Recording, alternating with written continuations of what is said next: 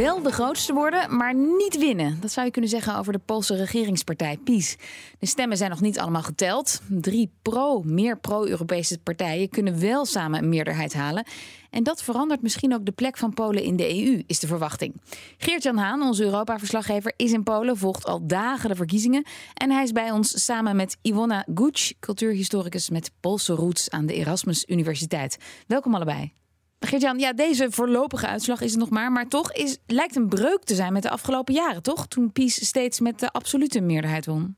PiS heeft acht jaar lang geregeerd. En als er nu dan een andere regering komt, uh, dan is dat zeker een breuk. Al is het maar vanuit ons uh, bezien. Dat er dan uh, waarschijnlijk partijen aan de macht komen die pro-Europese en pro-democratischer zijn. Mm. En ja, dat is een, een omwenteling ten opzichte van waar PiS de afgelopen jaren voor heeft gestaan. En Donald Tusk, eh, Tusk met zijn burgerplatform, dat is dan nu de, de, de, de, nou ja, de winnaar bij de oppositie. Die dus een beetje de regie kan nemen bij het samenstellen van zo'n nieuwe co coalitie. Oud-premier van, uh, van Polen. Dus voor acht jaar uh, uh, PiS was het een tijdje Tusk. En ook oud-voorzitter van de Europese Raad. Ja. En als je wil, Lisbeth, kan ik even de laatste stand van zaken qua stemmen met je doornemen. Ja, hoe het ervoor staat. ongeveer driekwart van de stemmen is op dit moment geteld. PiS uh, gaat wel de verkiezingen winnen, uh, maar duikt nu onder de 37 procent. En daarmee bedoel ik dat zij een neergaande trend nu hebben ingezet. Uh, dus aan het begin van de uitslagentelling, dan ja, zaten ze boven de 40 procent. Maar had je vooral het platteland. Oh, nu ja. komen steeds meer steden binnen en dan dalen ze. En dan zie je dus de andere partijen, die drie pro-Europese partijen in het midden, die zie je een beetje stijgen. En die zitten dus nu samen zeker wel op 52 procent. Um, en PiS kan niet in zijn eentje een meerderheid behalen. En ook niet als ze samenwerken met nee. de laatste partij die de kiesdrempel haalt. Oftewel, het initiatief ligt misschien wel bij PiS. Maar uiteindelijk kan het bijna niet anders dan dat Donald Tusk een uh, coalitie mag gaan smeden. Iwana Gucci, uh, ja, hoe kijk jij naar deze uitslag? Want de oppositie zei al, ja, de democratie heeft gewonnen gisteren. Ja, dat is, dat is heel spannend natuurlijk. We hebben al maanden gewacht op die uitslag. Heel veel mensen uh, die in uh, verschillende demonstraties, uh, marsen deel hebben, deel hebben genomen, die gingen vanuit dat het misschien de hoop onder de oppositiestemmers zou bijbrengen. Ja. En gisteren heb ik ook inderdaad met heel veel vrienden gecorrespondeerd. En we waren allemaal een beetje in een ongeloof dat het eigenlijk is gebeurd. Dat het de oppositiepartijen gelukt is om toch wel een sterkere uh, campagne neer te, neer, neer te zetten. En dus ja. zoveel meer stemmen te halen dan de ja. Nou ja, gevestigde partij met al uh, zijn media. Ivona, uh, ja, de jonge stemmers hebben een behoorlijk deel van deze verkiezingen bepaald. Wat viel jou op in de opkomst? Nou, ten eerste, als we kijken inderdaad naar de groep tussen 18 en 29, bijna 69 procent hebben gestemd. En dat is een flinke opgoging ten, ten opzichte van afgelopen jaren, waar we een soort van marasme hebben gezien. De jongeren hadden geen zin in de politiek. Uh, die uh, waren ook een beetje beu van die twee Partijen, twee partijsysteem, ja. weet je. Tusk aan de ene kant en uh, Kaczynski. En eindelijk hebben ze eigenlijk iets meer meerderheid of een andere, andere soort partijen gezien. Dus we, we zien een soort van pluriformiteit die de jongeren heeft aangetrokken. Maar waarschijnlijk waren ze ook wel moe van één partijsysteem. Mm. En ook een dat autocratische beweging. Want de meerderheid van de jongeren heeft, heeft dus niet op PiS gestemd. Ah, en Geert-Jan, wij spraken jou vorige week, donderdag. Toen kostte het jou grote moeite ja. om jonge vrouwen te vinden die met jou over politiek wilden praten in een café. Nou. Dat kan natuurlijk aan van alles liggen. Maar het is je gelukt. En wat vertelden ze je? Nou, ze vertelden me dat ze uh, toch wel wilden gaan stemmen. Maar dat ze het heel moeilijk vonden om een partij te vinden die bij um, alles paste waar, waar, zij voor staan. Um, dus ze vinden dan bijvoorbeeld onderwijs belangrijk. Maar dan konden ze niet de partij vinden die precies vertegenwoordigde op andere punten wat zij ook belangrijk vonden. En dan gaven ze aan, ja, misschien ben ik politiek niet deskundig genoeg en moet ik maar niet gaan stemmen. Ah. En het merendeel heeft dat dus toch gedaan. Uh, dat geldt ook trouwens voor de uh, jonge mannen. Want er is een recordopkomst van 73 procent in Polen. En dat is gewoon ongekend, omdat toen Polen onafhankelijk werd, uh, na de val van het communisme, toen ze onder het uh, juk van het Warschau-pact uitkwamen. Toen waren bij de eerste verkiezingen was de opkomst 62 procent. Dus kan je nagaan hoe existentieel deze verkiezingen hebben gevoeld. Met name voor de jonge mensen, die dus, wat Yvonne ook eigenlijk uh, denk ik, hiermee wil aangeven. Die dus eigenlijk een tegenstem letterlijk hebben um, gerepresenteerd van de oudere PiS-stemmer. De groep 18 tot 29 heeft in feite de groep 60 plus geneutraliseerd. Wat ze ook gestemd hebben. Ja. ja en dat is voor uh, hun toekomst uh, natuurlijk heel belangrijk, ongeacht wat ze dan gestemd hebben. Ja, en die rol van die vrouwen, Yvonne. Valt jou dat ook op dat die vrouwen dus nu wel naar de stembus zijn gegaan? Ja, dit is heel, heel interessant inderdaad. Omdat we in de afgelopen jaren hebben we gezien dat de civiele maatschappij in Polen groeit. En dat er steeds meer vrouwen ook betrokken raken bij de demonstraties. Maar meestal bij verkiezingen viel het een beetje tegen een aantal vrouwen die naar de stembus kwamen. Het is een soort van traditionele rolverdeling. En wat Gerrit-Jan zei, ja, dat het bewustzijn of de politieke betrokkenheid of het gevoel hebben van ik, ik, ik ben bekend met wat ik moet doen, wat ik moet stemmen. Dus een soort van gebrek aan vertrouwen was duidelijk. Maar afgelopen maanden, of afgelopen weken heb ik ook heel veel online campagnes gezien waarin vrouwen werden nadrukkelijk uitgenodigd om te gaan stemmen. En dat is wel gelukt.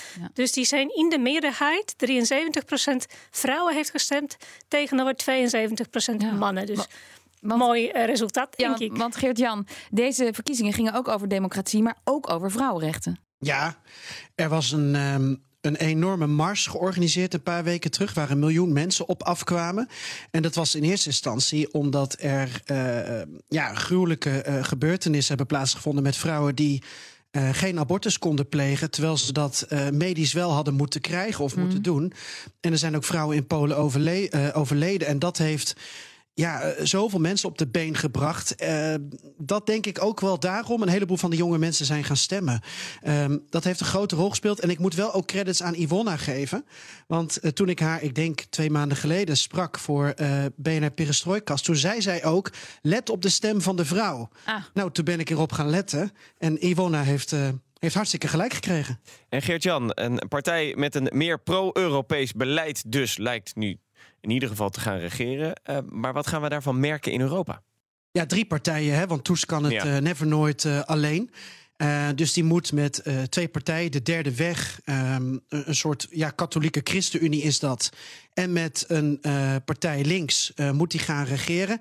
Ik denk dat het vooral betekent dat de relatie met Brussel en andere Europese landen wat normaler wordt. Ik denk niet dat Polen ineens heel pro-Europees wordt uh, op het gebied van uh, klimaat, zeker niet op het gebied van migratie. Maar doe maar normaal. Het klinkt bijna als Mark Rutte. maar in ieder geval op het gebied van democratie, um, journalistiek. En ook gewoon normaal met elkaar omgaan. Je kan ook normaal nee zeggen in plaats van alleen maar schreeuwen en brullen dat je iets niet wil. Ik denk dat dat het belangrijkste is. En Ivona Gucci gaat PiS deze uitslag accepteren als die morgen duidelijk is of overmorgen? Of wordt het nog een lang moddergevecht? Ik denk dat het nog een lang gevecht wordt, ook omdat uh, de huidige president uh, ook de, de PiS-partij representeert. En hij heeft uh, belangrijke recht in deze uh, constitutionele gang van zaken. Want hij moest inderdaad de minister-president aanwijzen. En in principe zou dat een vertegenwoordiger van de partij zijn die de meerderheid heeft uh, en dat is gekregen. en dat is weer PiS. En het kan dus inderdaad dat uh, premier Morawiecki weer aangewezen wordt. En dat ze dan nog binnen twee weken een votum proberen te krijgen. Maar dat gaat, gaat ze niet lukken, want ze hebben geen meerderheid, meerderheid in het parlement. En, en Geert-Jan, jij bent ook net op een persconferentie geweest. Dat ging over het verloop van de verkiezingen, als ik het goed heb uh, begrepen. Is het allemaal eerlijk gegaan? Ja, dat was een persconferentie van de OVSE. Uh, dat zijn dus de waarnemers. Die hebben gekeken hoe eerlijk en vrij deze verkiezingen waren. Nou, ik had me voor deze uitslag al aangemeld.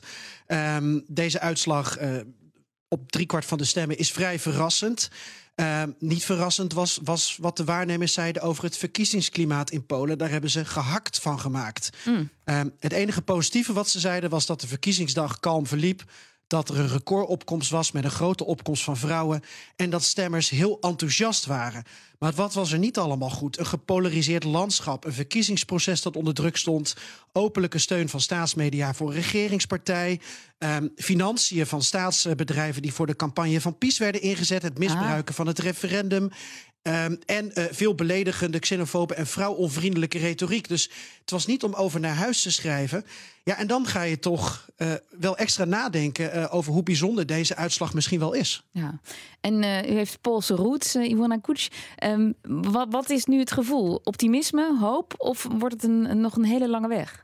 Nou, ik heb heel veel hoop. ik denk vooral als we denken aan die jonge mensen die, die, die gaan stemmen, dat dat een signaal is dat we een volwassen civiele maatschappij hebben dat we jonge groep, jonge generatie hebben die graag mee wil doen aan de politiek.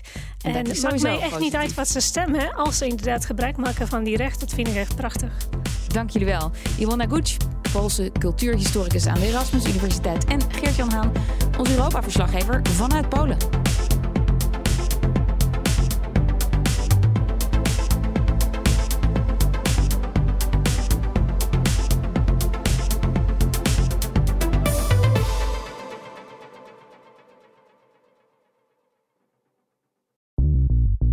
Bij BNR ben je altijd als eerste op de hoogte van het laatste nieuws. Luister dagelijks live via internet. Jelle Maasbach. Wesley Weert. We zijn er voor je met het leukste, opvallendste, maar natuurlijk ook het belangrijkste nieuws. Tijdens de presentatie van die halfjaarcijfers toen die beurskoers in elkaar kukkelde. BNR Beurs. Voor de slimme belegger. Blijf scherp en mis niets.